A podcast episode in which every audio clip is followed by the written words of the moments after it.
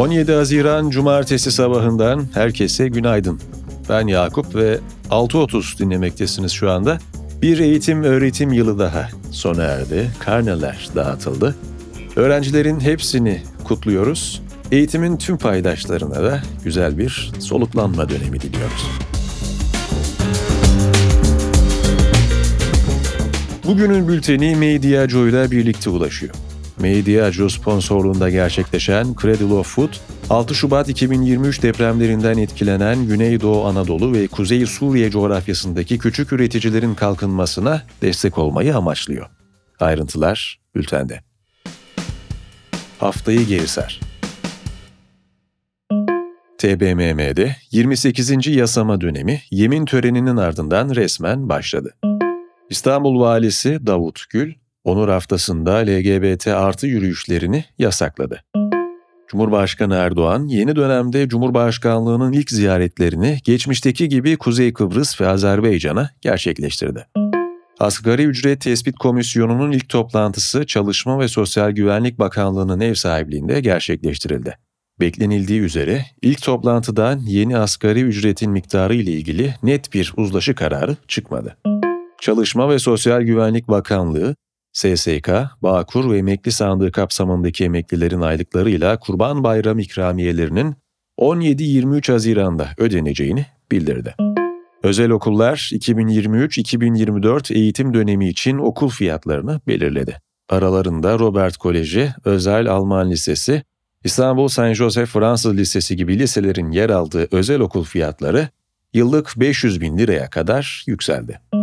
CHP lideri Kemal Kılıçdaroğlu, İstanbul Büyükşehir Belediye Başkanı Ekrem İmamoğlu ile bir araya geldi. Yaklaşık iki saat süren görüşmenin ardından İmamoğlu, gazetecilere güzel olacak her şey dedi. İBB Başkanı Ekrem İmamoğlu hakkında İçişleri Bakanlığı'nın ihbarı üzerine Beylikdüzü Belediye Başkanlığı döneminde ihaleye fesat karıştırma suçlamasıyla açılan davanın ilk duruşması Büyükçekmece Asliye Ceza Mahkemesi'nde görüldü. Savcılığın 3 yıldan 7 yıla kadar hapis cezası ve siyasi yasak talep ettiği dava 30 Kasım'a ertelendi. CHP lideri Kemal Kılıçdaroğlu'nun 4 Haziran'dan önce atanmış danışman ve baş danışmanlarının görevlerine son verildi. Türkiye, Finlandiya, İsveç ve NATO heyetlerinin yer aldığı üçlü mutabakat kapsamında oluşturulan daimi ortak mekanizmanın dördüncü toplantısı Ankara'da yapıldı. Toplantı yaklaşık 3 saat sürdü. Avrupa Birliği Parlamentosu ve AB Komisyonu Schengen bölgesi ülkeleri için vize prosedürünün dijitalleşeceğini açıkladı. Pasaportlara yapıştırılan fiziksel Schengen vizeleri iki boyutlu barkod olarak internet üzerinden paylaşılacak ve vize sahipleri tarafından mobil cihazlara indirilip kullanılabilecek. Boris Johnson milletvekilliğinden istifa ettiğini açıkladı.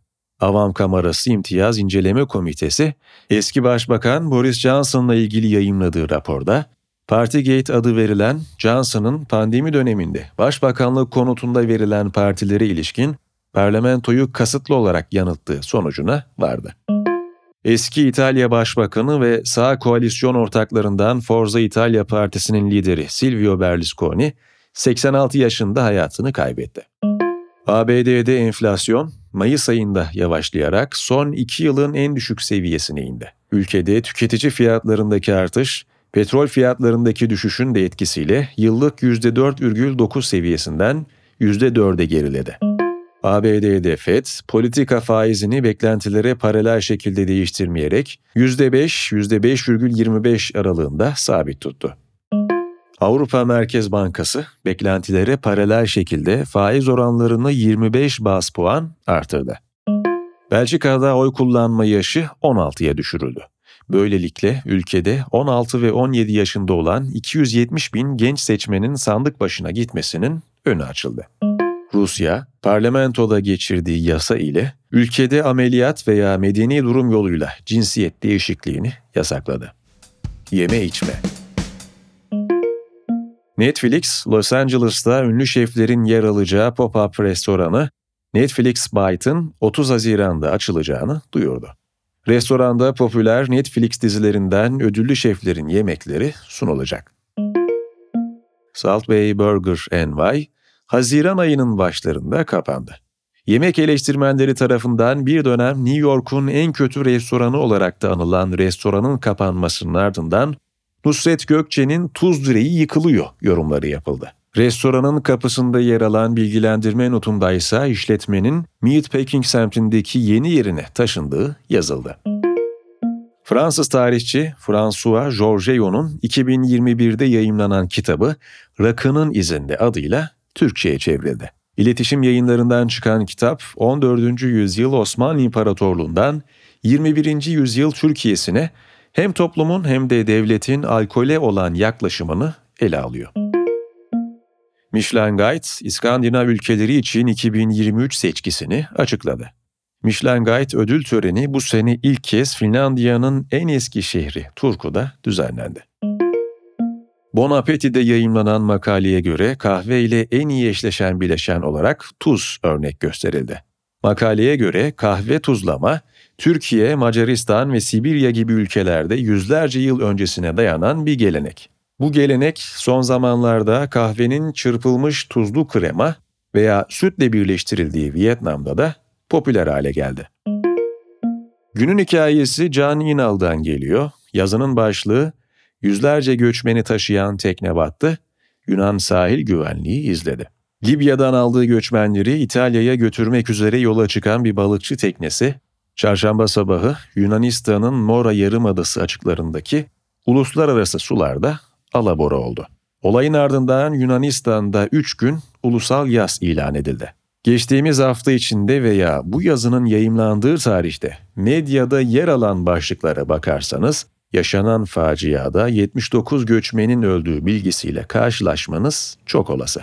Bu ifade yanlış olmamakla birlikte Avrupa Komisyonu Başkanı Ursula von der Leyen'ın deyişiyle düzensiz göçe karşı Avrupa'nın kalkanı konumundaki Yunanistan'ı çok daha kötü gösterecek bazı bilgileri arka plana itiyor. Yazının devamı bültende sizleri bekliyor. Göz atmayı unutmayınız. Bu haftalıkta bana ayrılan sürenin ve 6.30'da bir haftanın daha sonuna geldik. Ben Yakup. Bugünün bülteni Medya ile birlikte ulaştı. Haftaya kaldığımız yerden devam edeceğiz. O vakte kadar kendinize iyi bakın. İyi hafta sonları.